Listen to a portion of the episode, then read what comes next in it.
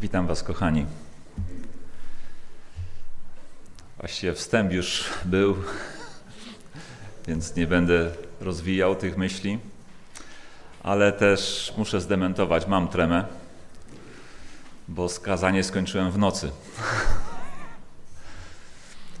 więc jest pierwsze, to jest pierwsze miejsce, gdzie je, gdzie je wygłoszę. E, nadałem mu tytuł pierwotny w świecie przemocy. Ale jadąc tutaj pomyślałem sobie, że warto dodać jeszcze jedno słowo w świecie przemocy i nienawiści. W takim świecie przyszło nam żyć.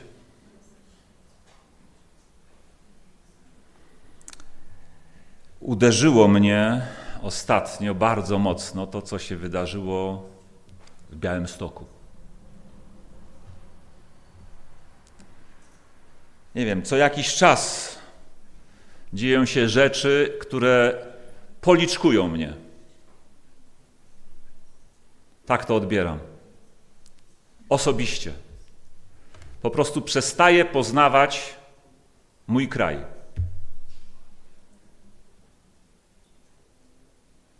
Dzieją się rzeczy, na które, z którymi się nie mogę pogodzić. Pobicia, zbiorowe gonitwy na ulicach za uciekającymi ofiarami. Tłumy osiłków wygrażające pięściami spokojnie maszerującym ludziom. A wśród tych tłumów osoby z różańcami zaciśniętymi na wygrażających pięściach. Wśród tych tłumów matki i ojcowie z małymi dziećmi na rękach czy w wózkach, też wykrzykujący wulgaryzmy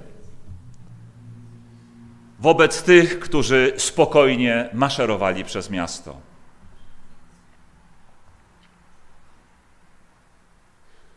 To się nie mieści w głowie. Przyglądałem się tym twarzom w relacjach telewizyjnych, tym twarzom zatroskanym o dzieci.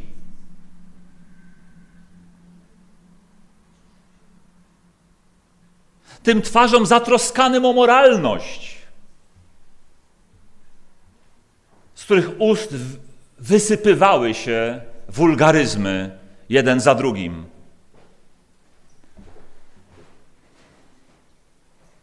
Te twarze niewiele różniły się od twarzy ludzi ze zdjęć z lat czterdziestych, z miejsc, gdzie dochodziło do pogromów Żydów.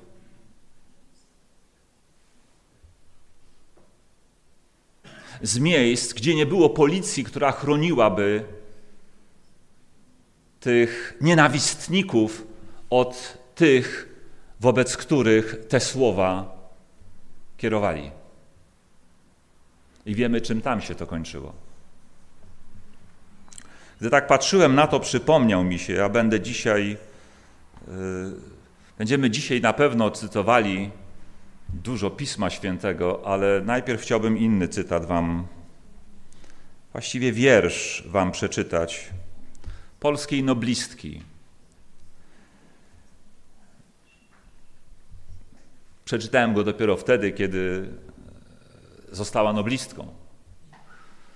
Pomyślałem sobie, jak mamy noblistkę, warto się z jej poezją chociaż trochę zapoznać. Więc myślę sobie, że jakiejś części z Was ten wiersz jest nieznany. To jest wiersz Wisławy Szymborskiej, Nienawiść. Posłuchajmy.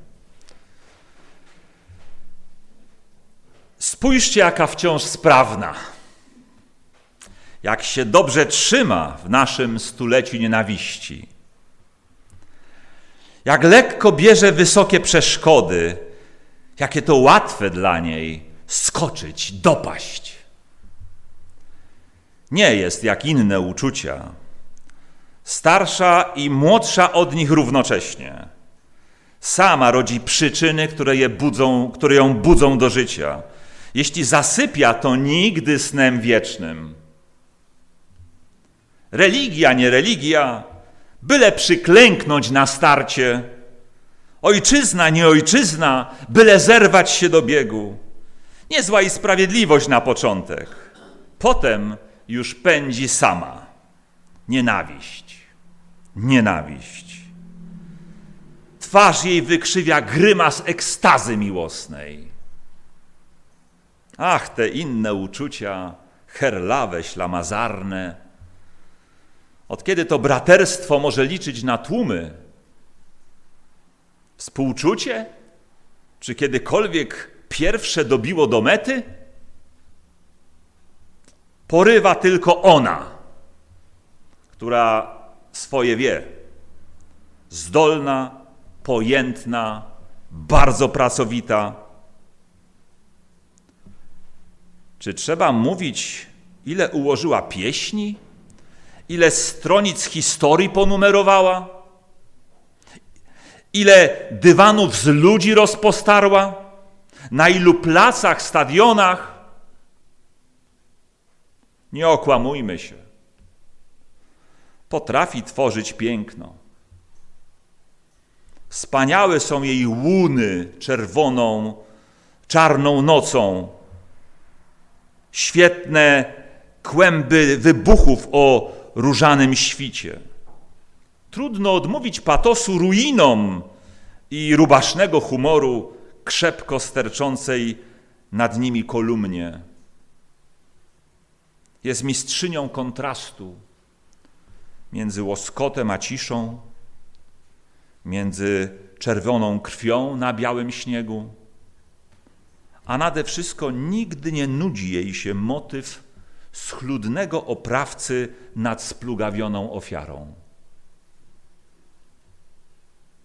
Do nowych zadań w każdej chwili gotowa. Jeśli musi poczekać, poczeka. Mówią, że ślepa. Ślepa? Ma bystre oczy snajpera i śmiało patrzy w przyszłość. Ona jedna.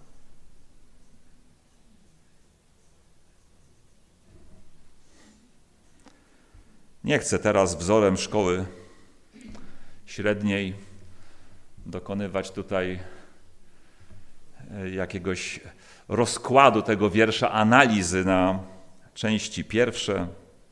Może tylko w kontekście tego kazania te słowa religia, nie religia, byle przyklęknąć na starcie.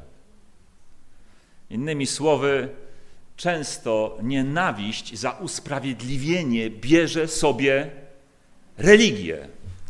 W innym przypadku ojczyznę i patriotyzm. W innym przypadku, że dzieje się jakaś niesprawiedliwość, którą trzeba naprawić, a więc tak jak tutaj czytamy, niezła i sprawiedliwość na początek, a potem już biegnie sama.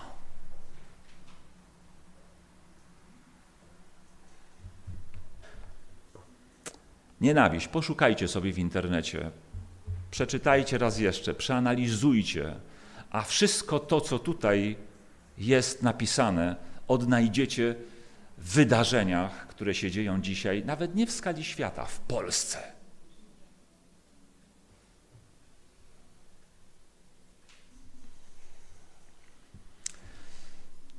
Wiecie, co niektórzy z tych ludzi mieli na swoich koszulkach? Tych w Białymstoku? Mieli takie napisy, niektórzy z nich, nie wszyscy, ale wielu, Armia Boga. To nie tylko przy tej okazji zacząłem ostatnio dostrzegać, że pojawiają się ludzie z napisami Armia Boga na koszulkach.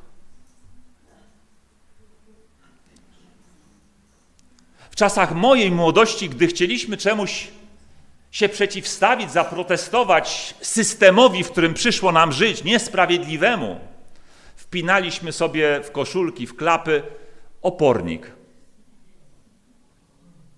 Symbol oporu i niezgody. Można było za to być pobitym. Dzisiaj, jak ktoś chodzi z napisem Armia Boga, to zejdźcie mu z drogi, bo możecie zostać pobici. Mogą mu się nie spodobać u mężczyzny, że chodzi w rurkach, w takich spodniach do ciała. On może być absolutnie heteroseksualny, ale się zbyt modnie nosić. Co żołnierz Boga odczyta, że jest gejem i należy mu się, przepraszam za wyrażenie, łomot. Niech nie wychodzi z domu. Niech się nie obnosi.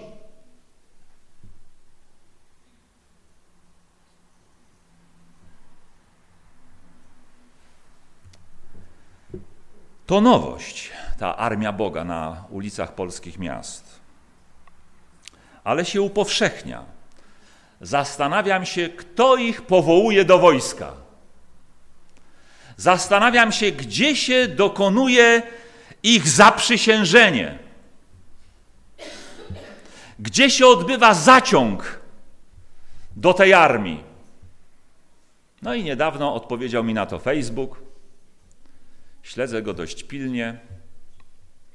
I tam patrzę taki filmik, gdzie w pierwszych rzędach jednego z katolickich kościołów stoją żołnierze Pana Boga w koszulkach z napisem Armia Boga, wszyscy prawie łysi albo obcięci na jeżyka, wszyscy tacy, jak to się mówi, przypakowani, ale jeszcze nowością jest, że każdy z nich z mieczem w ręku.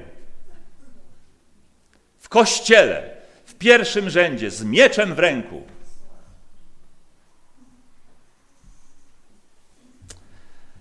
Napisałem do tej osoby, która skomentowałem ten film na profilu osoby, która go tam zamieściła, mówiąc, że trochę mi się to kłóci z ewangelicznym przekazem, kiedy gdy Piotr wyciągnął miecz, by bronić Jezusa, dziś powiedzielibyśmy wartości chrześcijańskich, to Pan Jezus powiedział mu: schowaj swój miecz. Kto od miecza wojuje, od miecza ginie. Napisałem, trochę mi się to kłóci z tym, że w Starym Testamencie została nakreślona przyszłość naszego świata, gdzie docelowo mamy miecze przekuć na lemiesze.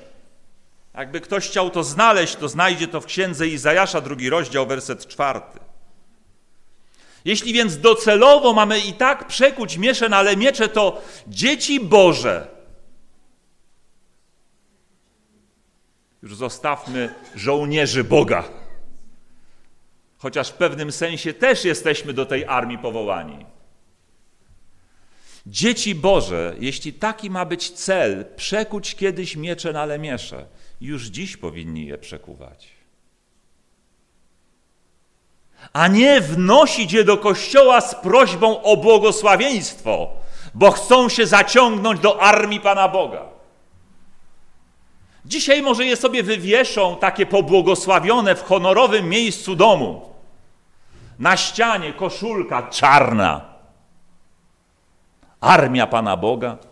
I gdzieś pod nią w honorowym miejscu domu, jak kiedyś szlacheckie szable, pobłogosławiony w kościele miecz, którym oczywiście w domyśle mają się rozprawić z tymi, którzy sprzeciwiają się wartościom chrześcijańskim. Wiecie, kto im tylko dzisiaj przeszkadza? W tej ostatecznej rozprawie? No jeszcze trochę przeszkadza im policja, która nie wiedzieć czemu jeszcze ich rozdziela od tych innych.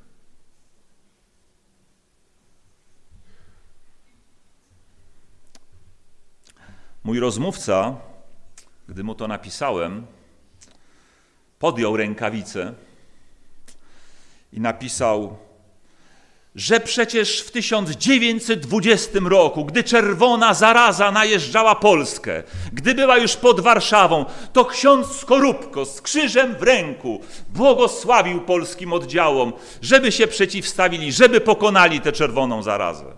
No i pokonali. Pan Bóg pobłogosławił na modlitwę księdza Skorupki, który zginął. I dlaczego ja tutaj wypisuję, że to jest, te miecze w tym kościele są nie do pogodzenia z chrześcijaństwem? A nadto papież przecież błogosławił krucjatom w historii Ziemi, w historii chrześcijaństwa. Ja mu na to odpowiedziałem, że ani ksiądz, żeby nie wiem jaki, ani papież, żeby nie wiem jaki, nie mogą być ważniejsi dla chrześcijanina od Chrystusa i Jego słów, Jego przesłania. On mi na to, że przecież nie ma przeciwstawieństwa między Chrystusem a papieżem. Nie ma, bo papież dostał od Chrystusa upoważnienie do tego błogosławienia wojen, mieczy w imię chrześcijaństwa. Ja pytam, gdzie? A on mi na to, cytat z dziesiątego rozdziału Ewangelii Mateusza,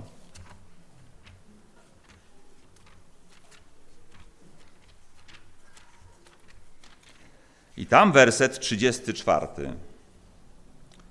Nie sądźcie, że przyszedłem przynieść pokój na ziemię. Nie przyszedłem, aby przynieść pokój, ale miecz. No i skoro tak, to jego zdaniem teraz można wnosić mieczy do kościoła pod dostatkiem, ksiądz je będzie błogosławił, a armia Pana Boga będzie sobie wieszać w domu i czekać na sygnał, kiedy już policja nie będzie ich oddzielać od tych, którzy lekceważą wartości chrześcijańskie. Wtedy się wreszcie te miecze przydadzą. Dzisiaj, dzisiaj muszą im wystarczyć na razie tylko pięści i nogi, by kopać, łamać obojczyki, tak?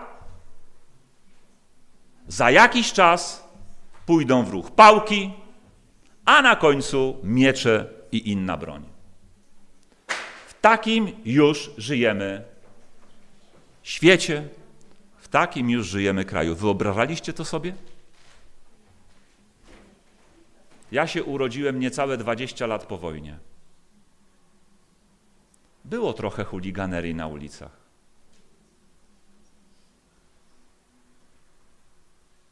Ale, ale nie tak jak teraz. Nie było pochwały dla tego wszystkiego. A dzisiaj nawet z ambon chwali się tych ludzi za właściwą postawę. Jeśli możemy mówić o upadku Babilonu, to jest to jeden z jego przejawów. Raz kompletne pomieszanie pojęć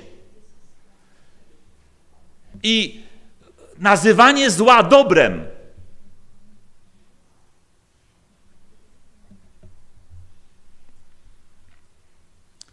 Ja temu człowiekowi, gdy on zacytował mi ten tekst biblijny, oczywiście powiedziałem, że, jest to wyrwane z, że są to wyrwane z kontekstu słowa Jezusa.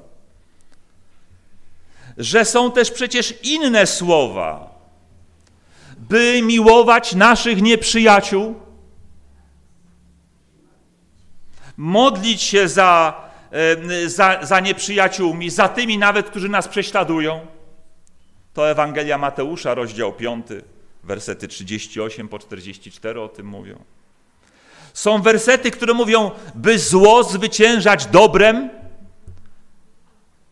a nie pięścią, kopniakiem, pałką i mieczem.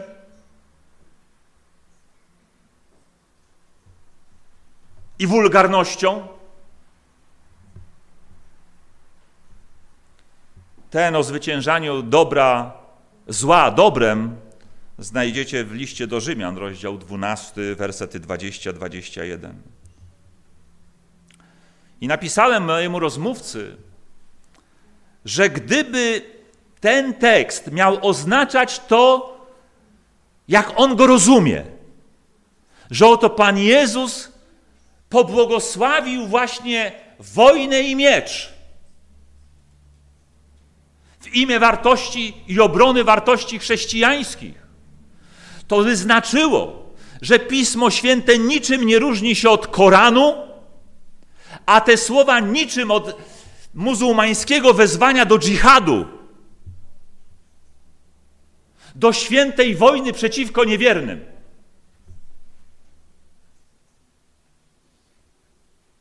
Do występowania przeciwko nim ogniem i mieczem.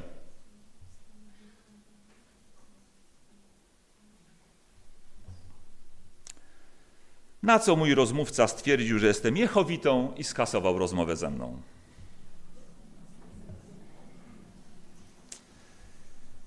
Jak już argumentów brakuje, to chociaż na koniec trzeba kogoś obrazić.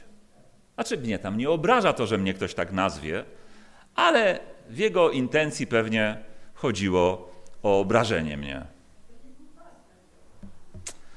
Tak na marginesie, przemoc ma różne oblicza, bo tak sobie myślicie, przecież w gruncie rzeczy wszystko to, co mówi do tej pory pastor, to, to jest to wożenie drzewa do lasu. Przecież my wiemy, że jest to przemoc niegodna.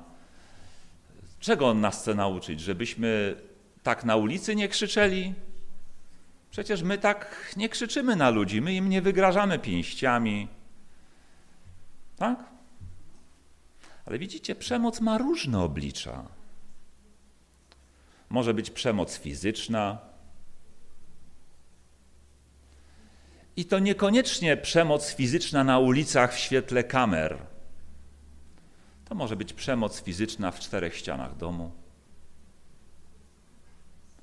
Przemoc w rodzinach chrześcijańskich, w rodzinach adwentystycznych. Przykrywana pudrem, ciemnymi okularami, ładnym garniturem, pobożnymi słowami. To może być przemoc werbalna, słowna. Gdy się na kogoś wykrzykuje, gdy się kogoś krzykiem odziera z godności, gdy się bierze kogoś na huki, jak to się mówi?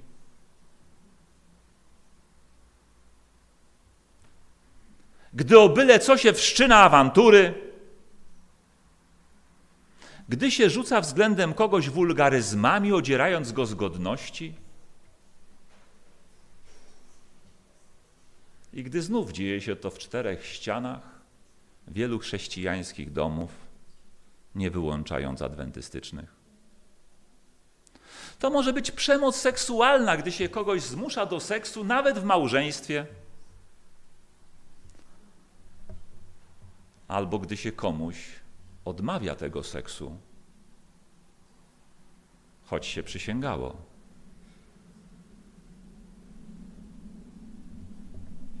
To może być przemoc ekonomiczna, gdy pracujący współmałżonek nie daje środków na usprawiedliwione potrzeby małżonka niepracującego, wydziela mu zwykle dużo za mało, żeby ten niepracujący czuł się całkowicie uzależniony. Nie czuł się wolny w swoich wypowiedziach, wyborach, bo jak się za daleko posunie w swej wolności wypowiedzi, dostanie jeszcze mniej albo nic. Do takich sytuacji też dochodzi to też jest przemoc. Powodowana egoizmem, chęcią dominacji nad drugim człowiekiem, odzierająca człowieka z godności. Nie wszystko musi mieć postać kopniaków, i uderzeń. Dlatego, kiedy mówię o tym Białestoku, nie myślcie, że mówię tylko o jakichś tam ludziach. Mówię o rachunku sumienia, który każdy z nas winien dokonać przy tej okazji. Mamy więc w Polsce problem ewidentnie nie tylko z narastaniem przemocy w sferze publicznej, ale też z jej promowaniem, z jej usprawiedliwianiem, również religijnym usprawiedliwianiem, również z użyciem Biblii i wyrwanych z kontekstu tekstów.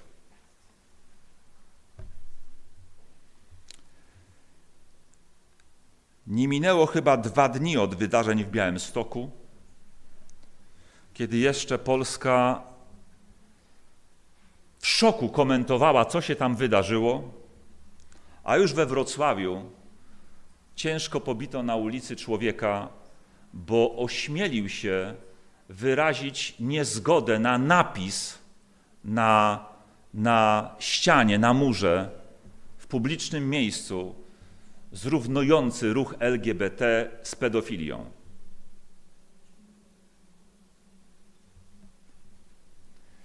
I nie chcę tu wcale występować jako obrońca idei LGBT, obrońca zachowań, które ci ludzie, geje, lesbijki, geje, bis, biseksualiści, e, transseksualiści plus prezentują, praktykują, to jest nie do pogodzenia z koncepcją biblijną moralności,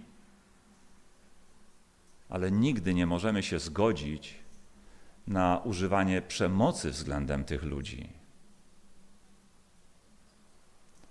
Nigdy nie możemy się zgodzić z próbą siłowego ich, nie wiem, prostowania im kręgosłupa moralnego.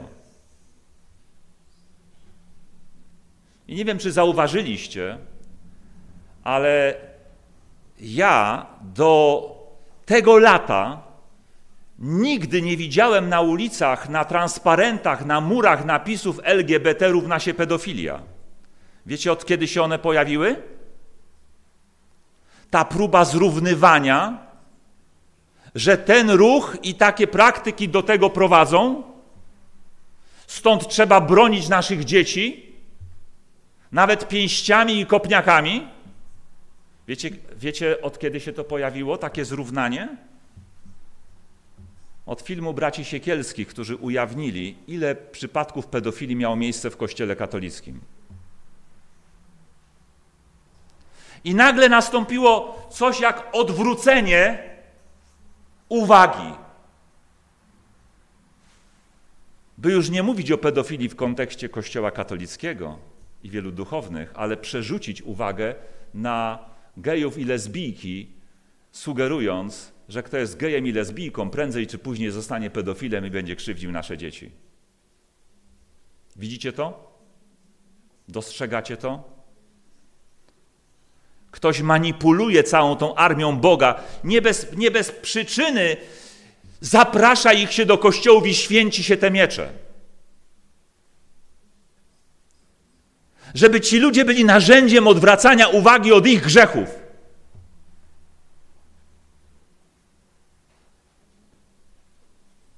Odwracania, jak to się mówi, kota ogonem.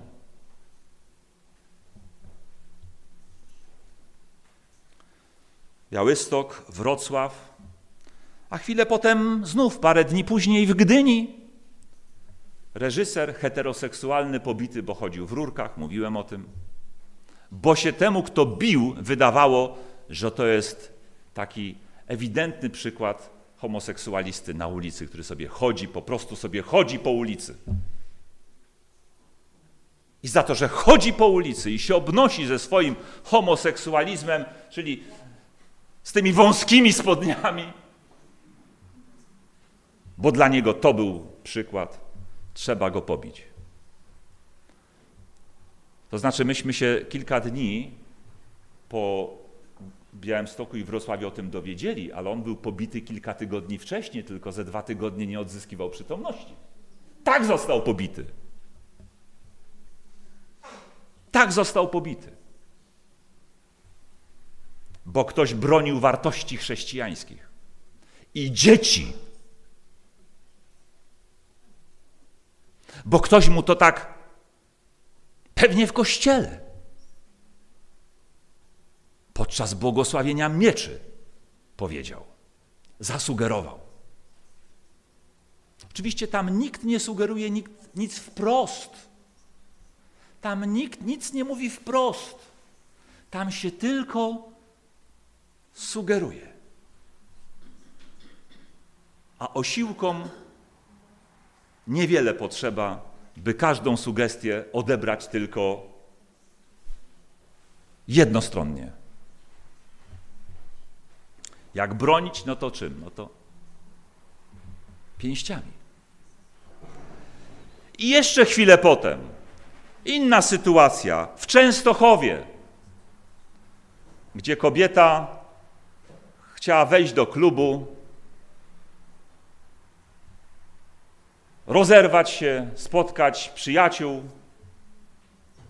No i założyła sobie koszulkę z takim serduszkiem, na którym to nawet nie były kolory tęczy, ale były różne kolory. Ochroniarz stwierdził, że jest to koszulka promująca ruch LGBT. Nie chciał jej wpuścić, ona chciała, żeby ją wpuścił. No to ją pobił. No to ją pobił.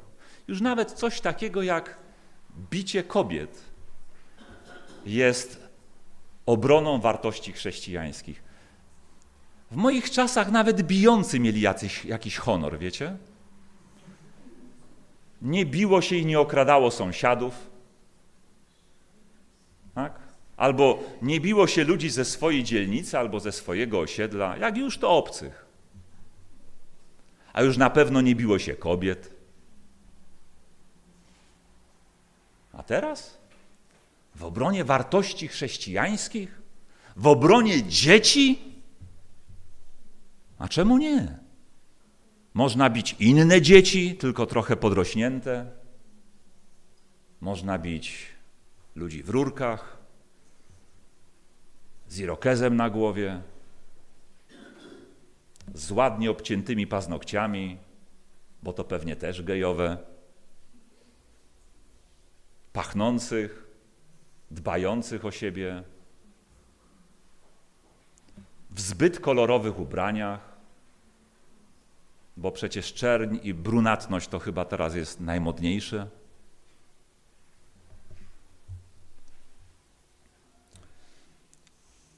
Tak dzieje się dzisiaj z Polską. Co się z nami stało, z naszym krajem, z naszymi rodakami, z naszą otwartością, z naszą gościnnością? Kto zatruł nasze polskie serca nienawiścią, dla niepoznaki ubraną e, świętą troską o moralność naszych dzieci.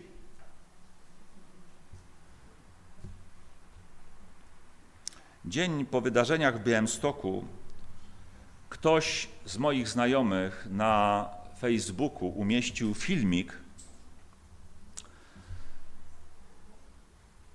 z obscenicznymi obrazkami z gejowych parad równości z zachodu, gdzie po ulicach chodzili prawie że do naga rozebrani goli panowie, gołe panie, całujący się namiętnie w parach jednopłciowych.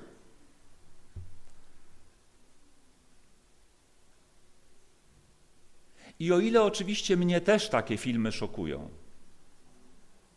a kiedyś podobną paradę widziałem na własne oczy w Zurichu. to po prostu odwracałem wzrok. Spojrzałem, zobaczyłem. Żołądek mi skręciło. Odwróciłem się. Popatrzyłem na inne ładne, tyle ładnych rzeczy dookoła, na które można patrzeć. Nawet jeśli są na ulicy i trudno ich minąć, zawsze się można obrócić. Jak ci się coś w telewizorze nie podoba, zawsze możesz wyłączyć. Jak ci coś w wystawie kiosku nie podoba, idź do innego kiosku. Omin to. No już w takim świecie jesteśmy, że nawet tacy ludzie mają prawo wyjść i się prezentować, jeśli im, im ich prawo na to pozwala. Polskę póki co na takie rzeczy nie pozwala, ale na spokojne marsze, nawet ludzi o określonych skłonnościach, o tych innych niż nasze skłonnościach, innych niż powszechne, to prawo na spokojny przemarsz tych ludzi pozwala. Polskie. I to, że gdzieś na zachodzie ktoś uprawia taką obscenę, nie może stać na przeszkodzie temu, że mam dzisiaj zabraniać tym ludziom prezentować spokojnie swoje rozumienie, widzenie świata. Ja nie muszę się z nim zgadzać. Ale mam zabraniać? Mam popierać zabranianie? Umieszczanie tego typu filmików przez osoby z naszego kręgu dzień po tym, jak tych ludzi bito, jest niczym innym, tylko próbą usprawiedliwienia. Dobrze, że im ktoś dał wycisk, dobrze, to, to dobrze się stało, bo jakby się nie stało, to za chwilę będziemy mieli to, co na zachodzie. Chcielibyście, żeby tacy golasy chodziły po ulicach i się całowały? Jak nie, to trzeba dziś w Białymstoku spuścić im łomot. Nawet ubranym. Rozumiecie, że jest to usprawiedliwianie? Mam kolegę, któremu nie podobają się świadkowie Jehowy. Na swoim Facebooku co chwila zamieszcza teologiczne dyskusje z nimi. Rozprawia się z nimi. Mówi, że błądzą, że odeszli od Pisma Świętego, że je źle interpretują i co chwila po... walczy z ich argumentami. No, nie ma tygodnia, żeby tego nie robił. I oto. No i generalnie nie mam nic przeciwko temu. Tamci prezentują jedną teologię, on prezentuje drugą teologię. Pewnie miał kiedyś z nimi bliższy kontakt, bo miał, znam go, prawda? O mało co kiedyś nie został świadkiem Jehowy. Został potem adwentystą. I jakoś mu ta, to uzależnienie od nich mentalne pozostało, że, że tak zagiął na nich parol i tak co chwila z nimi teologicznie się spiera i mówi, że zwodzą i tak dalej, i tak dalej. Ale w pewnym momencie pojawiły się informacje, że w Rosji świadkowie Jehowy zostali zdelegalizowani.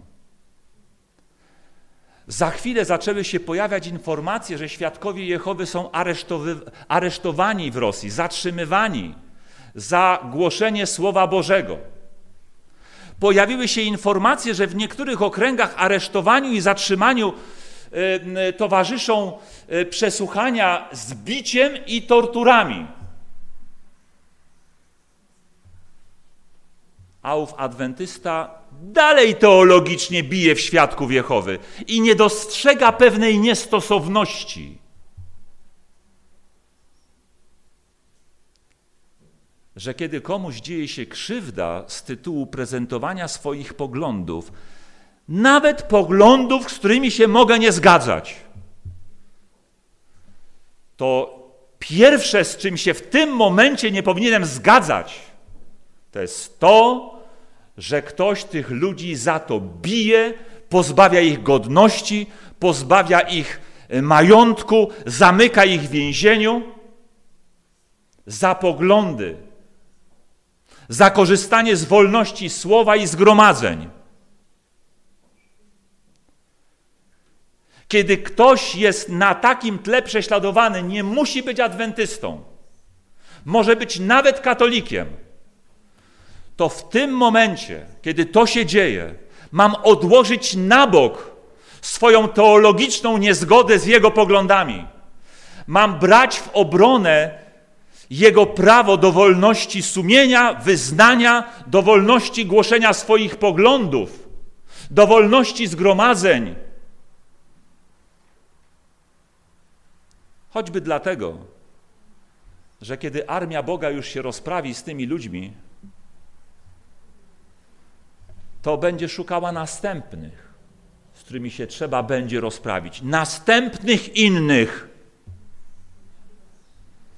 A my na A jesteśmy pierwsi w kolejce. Wystarczająco inni.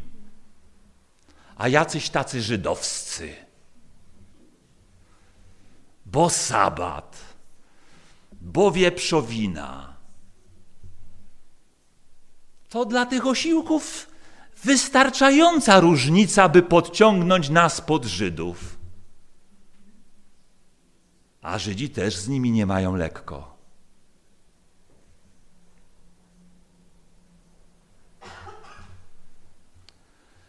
Nie usprawiedliwiajmy przemocy.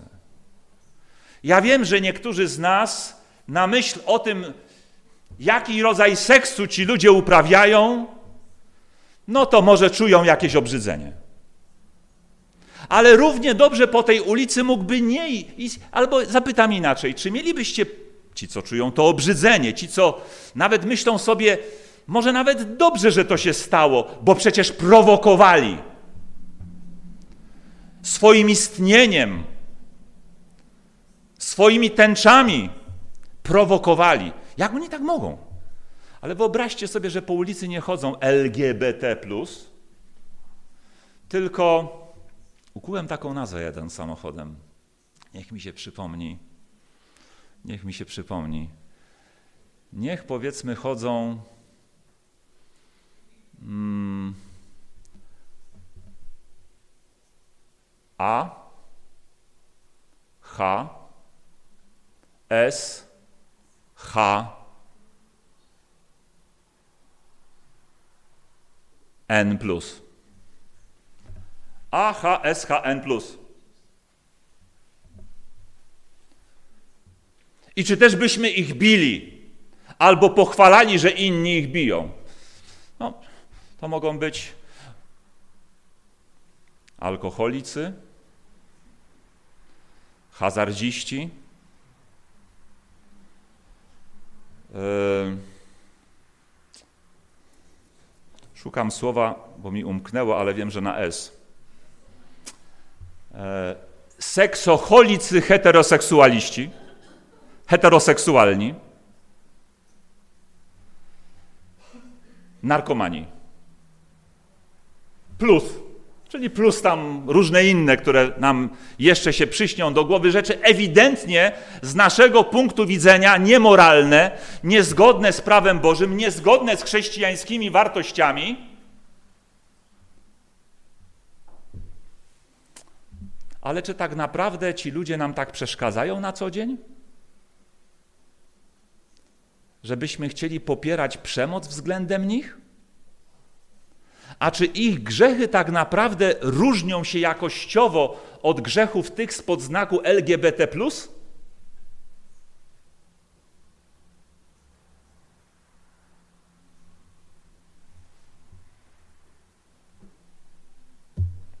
Mam wątpliwości. A armia Pana Boga akurat tamtych zupełnie nie rusza? Zupełnie tych ludzi nie rusza nie mówiąc o tym, że pośród armii Pana Boga jest pełno takich. Po prostu jedni grzesznicy chcą bić drugich grzeszników, myśląc, że tamci są większymi grzesznikami. A postawa chrześcijańska jest taka, że jeśli już się mamy mierzyć na grzechy, to każdy patrzy na własne i mówi: Ja jestem największym grzesznikiem. Bo nie mierzę grzechów. Mierzę swoją świadomością grzeszności jakichś zachowań. Nie muszę być LGBT, nie muszę być hazardzistą czy innym okropnym grzesznikiem, ale moja świadomość grzeszności pewnych zachowań, na które się decyduję, może ze mnie czynić większego grzesznika. Zgadzacie się?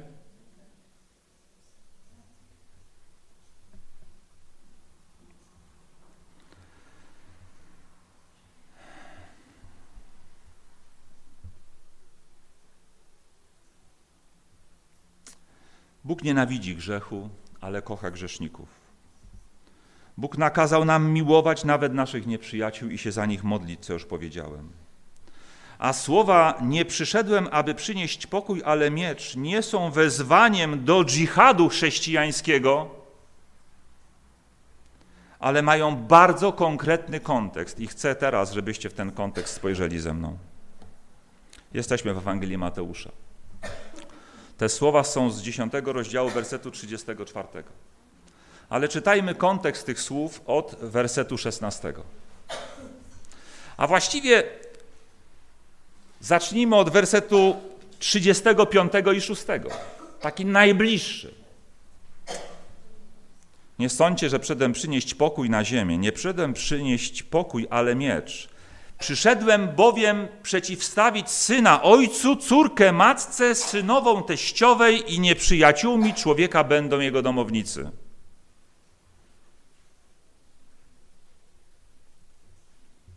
To jest najbliższy kontekst. Ten kontekst mówi, że niezależnie od intencji naszych, niezależnie od tego, jak bardzo chcemy pokoju, niezależnie od tego, jak bardzo Chrystus chce nam dać swój pokój. Pokój mój daję wam, nie tak jak świat daje, ja wam daję.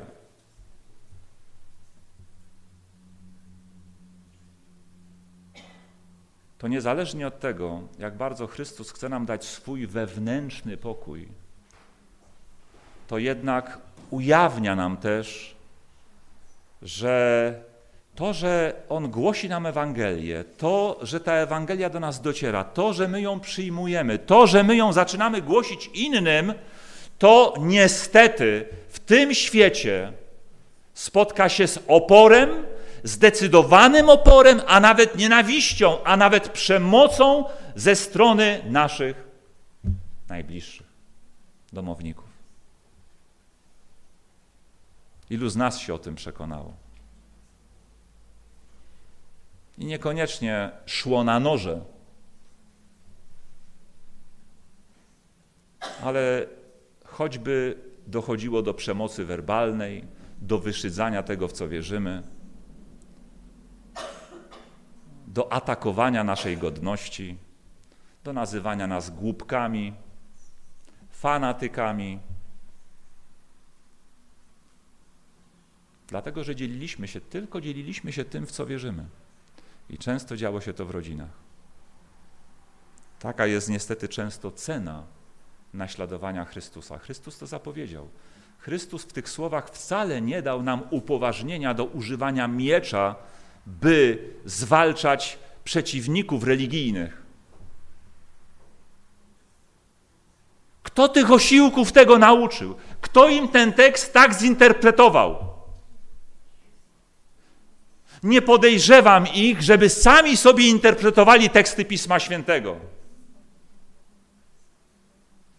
Wychowani zostali w przeświadczeniu, że mają wierzyć w to, co Kościół do wierzenia podaje.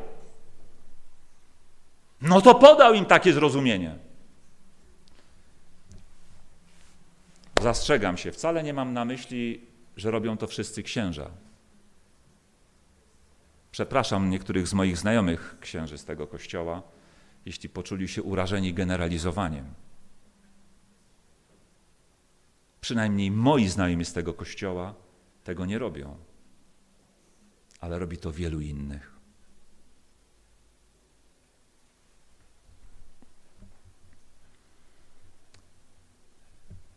Słowa te nie są wezwaniem do stosowania przemocy w imię religii, ale raczej zapowiadają, że prawdziwi chrześcijanie, prawdziwe dzieci Boże i naśladowcy Chrystusa będą ofiarami przemocy, nawet ze strony najbliższych.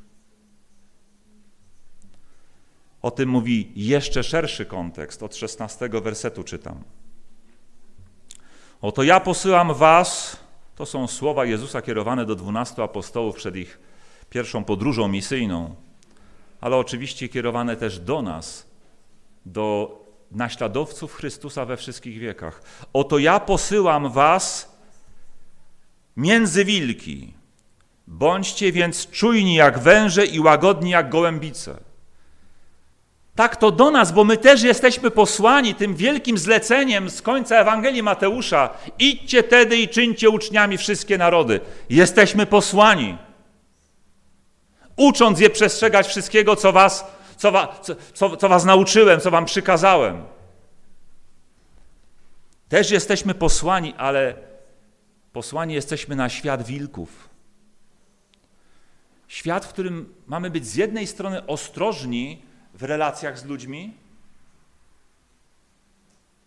spodziewający się z ich strony wszystkiego,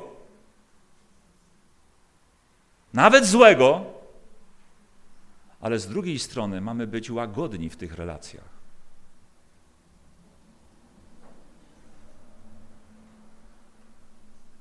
Być na baczności przed nimi, ale łagodni. Nie dalej jak wczoraj, jeden z moich znajomych na Facebooku zamieścił taki filmik o e, porozumieniu, jakie, tak ten filmik się nazywa, porozumienie KDS KRK. Rozszyfrowaliście te skróty? Pomiędzy Kościołem Adwentystów Dnia Siódmego a Kościołem Rzymskokatolickim. Filmik dotyczył owego słynnego już oświadczenia, które w 1999 roku zostało podpisane w 15-lecie dialogu bilateralnego pomiędzy Kościołem Adwentystów Dnia Siódmego a Komisją do Spraw Ekumenizmu Kościoła Rzymskokatolickiego. To porozumienie było zaraz w 1999 roku już zasygnalizowane, że je podpisaliśmy w głosie Adwentu. W 2000 roku, zaraz na początku, zostało opublikowane w znakach czasu. Kościół się tego ani nie wstydził, ani tego nie ukrywał. A w dwudziestolecie tego porozumienia, e, stop, stop, wykreślamy to słowo, zasugerowałem się owym filmikiem w dwudziestolecie podpisania owego oświadczenia, bo jednak oświadczenie to coś innego niż porozumienie, czego nie wszyscy, nie wszyscy dostrzegają tę subtelną różnicę, a istotną. W dwudziestolecie podpisania owego oświadczenia, pod którym ja też jestem podpisany, napisałem na ten temat obszerny artykuł w Głosie Adwentu styczniowo-lutowym z tego roku mówiący o całej historii owego dialogu piętnastoletniego. Od czego się zaczęło, jak przebiegał, cytowałem dokumenty kościelne zachowane z archiwum kościelnego i omówiłem całe to porozumienie punkt po punkcie. Kto czytał? Kto czytał? To zadanie na dziś domowe do tych, co nie czytali. Sięgnijcie do znaku, do głosu Adwentu, styczeń, luty, przeczytajcie. Rozumiem, że prenumerujecie głos Adwentu. Wszyscy.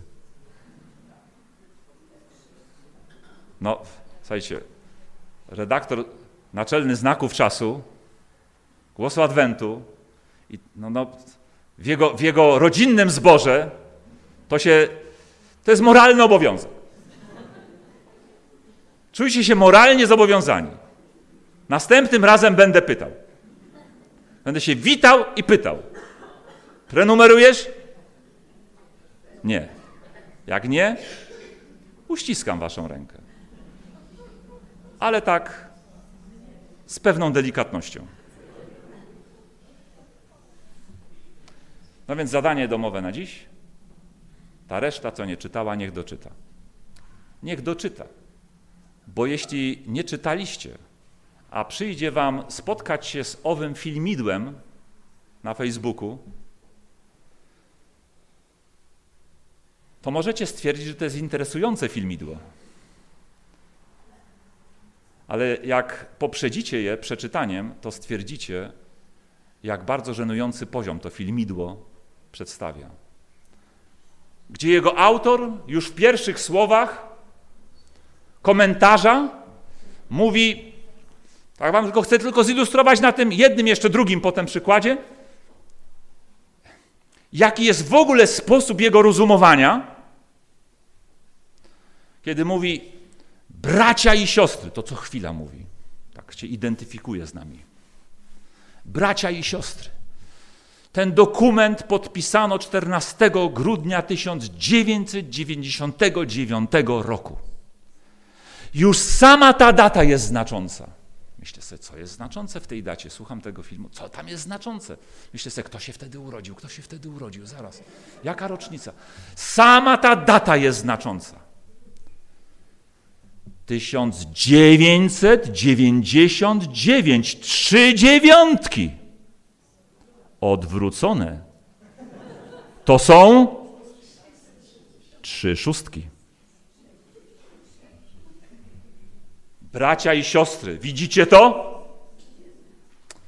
Więc to jest jeden z przykładów żenujących argumentów stosowanych przez autora tego filmidła. Inny? Którymś momencie tego oświadczenia powiedziane jest, że Kościół nas nie jest sektą, ponieważ jest na ziemiach polskich ponad 110 lat, jeszcze tam parę innych kryteriów wymieniono, prawda, e, że nie jest sektą, i jeszcze jeden, że ma własne obrzędy kultowe. To też zbulwersowało autora filmu. Nie to, że mamy obrzędy, tylko że one są kultowe. Trzeba powiedzieć, że autor filmu y, mówi z wyraźnym y, angielskim, takim angielsko-amerykańskim akcentem, czyli wychował się w kręgu angielskojęzycznym, w kręgu, w którym słowo kult ma znaczenie sekta albo okultyzm. Ale w języku polskim w ogóle takich skojarzeń nie ma. Ale to mu wystarczyło, te jego własne, prywatne skojarzenia, by powiedzieć i bracia i siostry. Tu jest napisane, że nasz Kościół ma obrzędy kultowe, a słowo kult ma związki z okultyzmem. No i że się pod tym Siciński podpisał. To tylko przykład, ale chciałem powiedzieć, że oto jakiś człowiek wrzucił to na swój facebookowy profil. Cały czas jestem w kwestii owej łagodności, ostrożności i łagodności względem ludzi. Jak on wrzucił to na ten profil, to myślę sobie, jak on mógł? jest moim znajomym, jestem w kręgu jego znajomych. W tym filmie jestem personalnie atakowany przez autora tego filmu jako e, jedyny aktywny zawodowo w kościele sygnatariusz tego, porozumie, tego, tego, tego oświadczenia. Więc jak on mógł go opublikować wcześniej, nie, nie wchodząc ze mną w kontakt? Przecież na Facebooku jest nieskrępowana możliwość wchodzenia w kontakty ze znajomymi. Napisać napiszę parę zdań i już mam je, ja je już czytam. Bez poczty, bez niczego, może nawet do mnie zadzwonić. Ale nie, ominął mnie, od razu to wrzucił. Więc zadałem mu tylko dwa pytania. Czy czytał artykuł mój na ten temat z początku tego roku? I czy uważa, że jest uczciwe zamieszczać filmy, które mnie personalnie, jego znajomego atakują? Bez wcześniejszej ze mną rozmowy bym się ustosunkował do tego bo może bym go przekonał. A jeśli bym go nie przekonał, ale by to zrobił, zadzwonił, ja go tłumaczę, on się nie czuje przekonany, zamieszcza, nie miałbym żadnych pretensji. Dlaczego? Bo szanuję jego wolność słowa. I wiecie co? Ale podczas pisania tego korciło mnie, bo ja to generalnie taki fighter jestem. E, ja się pod koszem lubię mocno przepychać. Jak przychodzi do dyskusji, to ci, którzy mnie zapraszali na dyskusję ze świadkami Jehowy przy różnych okazjach do domu, do lekcji biblijnych, kontaktów, jeszcze stąd to pamiętają, że nie odpuszczałem w tych, w tych dyskusjach i nie uciekałem. Miałem ochotę potraktować go mocniej. Miałem ochotę tak wykazać mu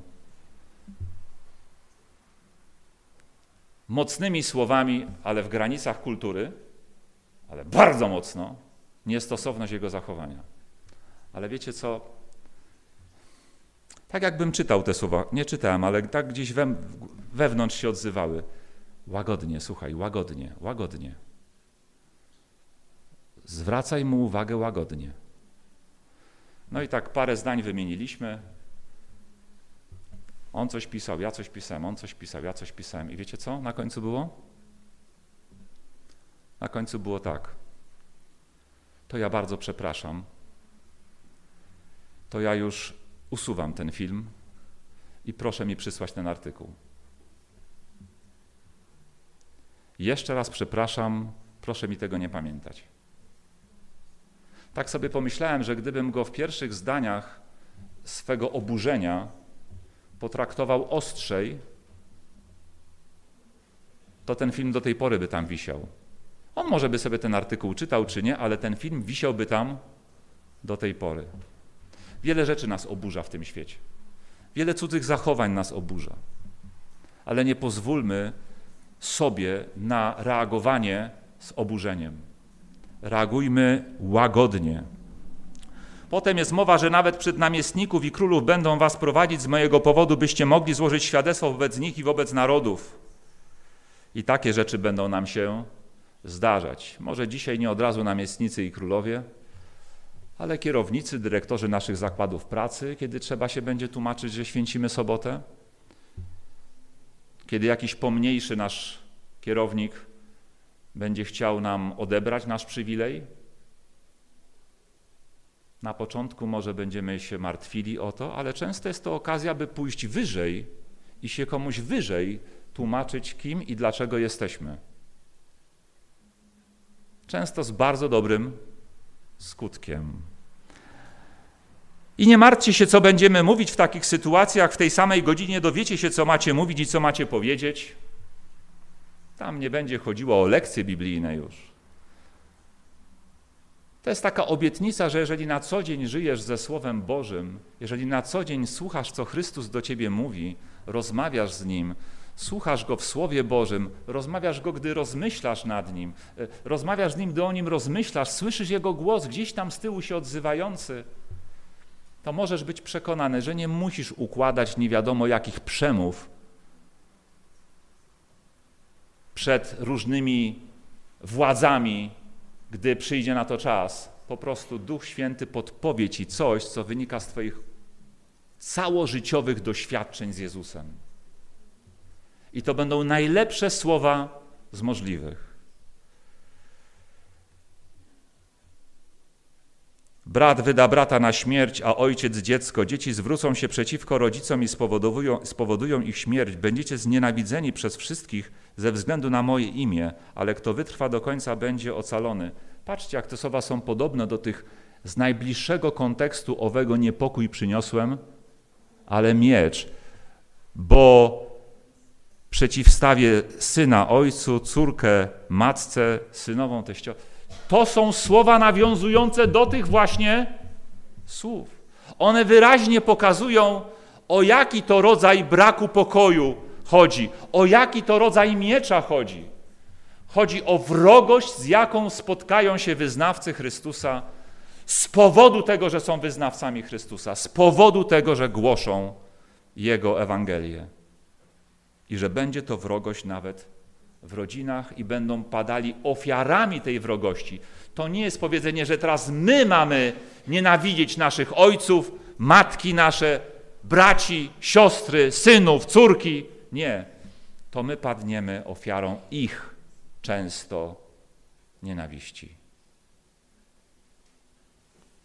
Oczywiście płynącej w takich przypadkach najczęściej z ich niezrozumienia tego, co robimy. W takich razach my nie możemy odpowiadać tym samym, a jedynie Chrystusowym przebacz im, bo nie wiedzą, co czynią.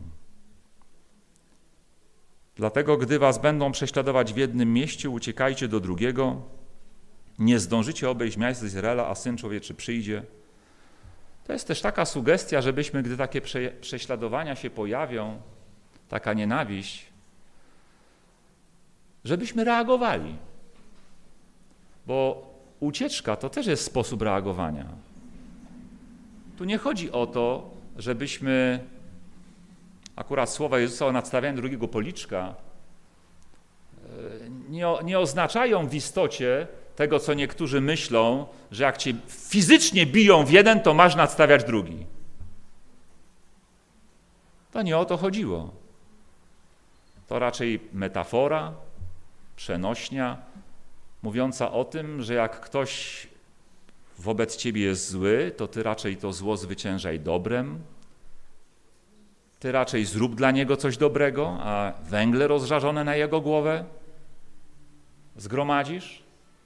Niech dobro wobec niego, modlitwa za niego będą Twoją odpowiedzią. To jest ów drugi policzek, a nie, że mam fizycznie nadstawiać się na bicie, gdy mnie prześladują. Mam się nie nadstawiać. To, to właśnie jak ktoś tak tłumaczy, to, to sprawia, że chrześcijaństwo jest takie trudne do przyjęcia. Najwyżej ucieknij z tego miejsca. Nie musisz się bić. Po prostu omin to miejsce. Ktoś się zachowuje w sposób, który cię razi, to omin to miejsce. Idź gdzie indziej. Nie idź na zwarcie.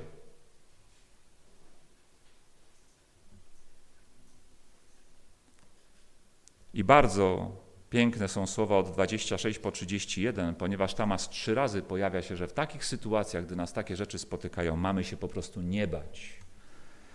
Nie bójcie się ich, nie ma bowiem nic zatajonego, co nie miałoby być ujawnione, nic ukrytego, co nie miałoby być, być poznane. Co mówię w ciemności, powtarzajcie w świetle, co słyszycie mówione szeptem, rozgłaszajcie na dachach. Czyli nie bójcie się głosić, nawet jeśli się spotykacie z takimi sytuacjami. Nie bójcie się. Nie bójcie się ludzi, którzy takie prześladowania przeciwko wam będą podejmować, ale raczej bójcie się tego, który może i duszę, i ciało zatracić w gehennie. I na końcu nie bójcie się, bo jesteście zaczniejsi niż wróble, a nawet wróblami się Pan Jezus opiekuje, Pan Bóg nasz. Nawet najmniejszymi zwierzątkami nawet najbiedniejszymi ludźmi, nawet tymi, którzy tak nic i niewiele mogą. Nimi też się opiekuje, zna ich los, dlatego się nie bójcie, nie wyrzekajcie się mojego imienia przed ludźmi, w obawie przed prześladowaniami. Podsumowując, Jezus nienawidzi przemocy. Zakazuje nawet gniewania się na ludzi. To w kazaniu na górze. W liście do Efezjan 6:12 mówi, że bój toczymy nie z krwią i z ciałem, ale z nadziemskimi mocami, z księciami tego świata ciemności, ze złymi duchami w okręgach niebieskich, z demonami. Innymi słowy, nie ludzie są naszymi wrogami. Ani LGBT, ani hazardziści, ani heteroseksualni seksocholicy, ani narkomani, ani ćpacze dopalaczy,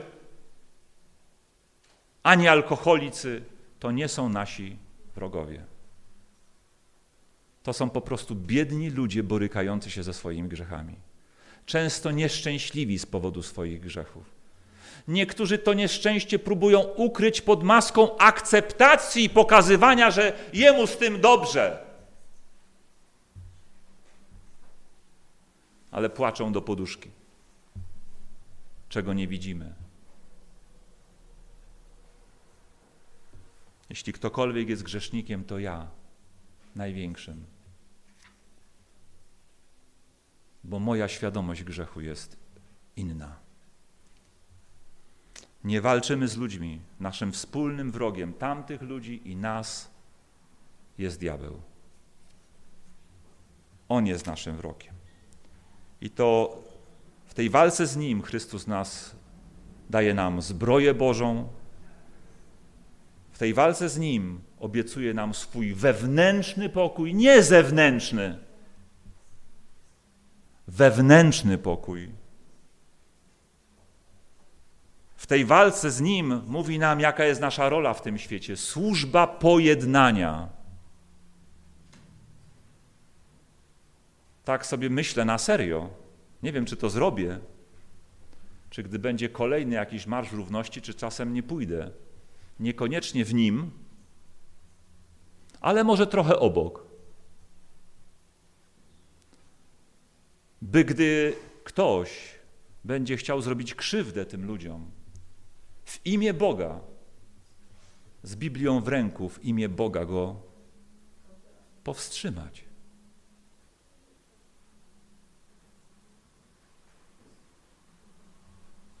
Zapytać się go, jakiej biblijnej wartości broni? Gdzie ma na to podstawę w Piśmie Świętym?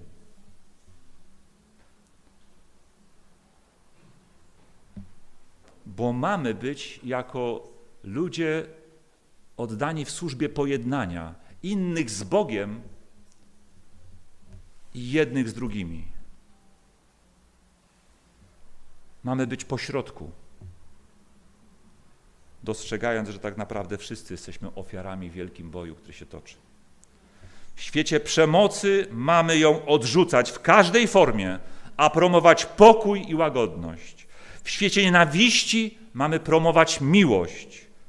W świecie wykrzywiania Słowa Bożego mamy je prostować, wyjaśniać i pokazywać we właściwym świetle. W świecie stawiającym na fałszywych przywódców religijnych, którzy często zachęcają do przemocy, mamy wskazywać na Jezusa i Jego czyste Słowo. Tak mamy żyć w świecie przemocy i nienawiści. Amen.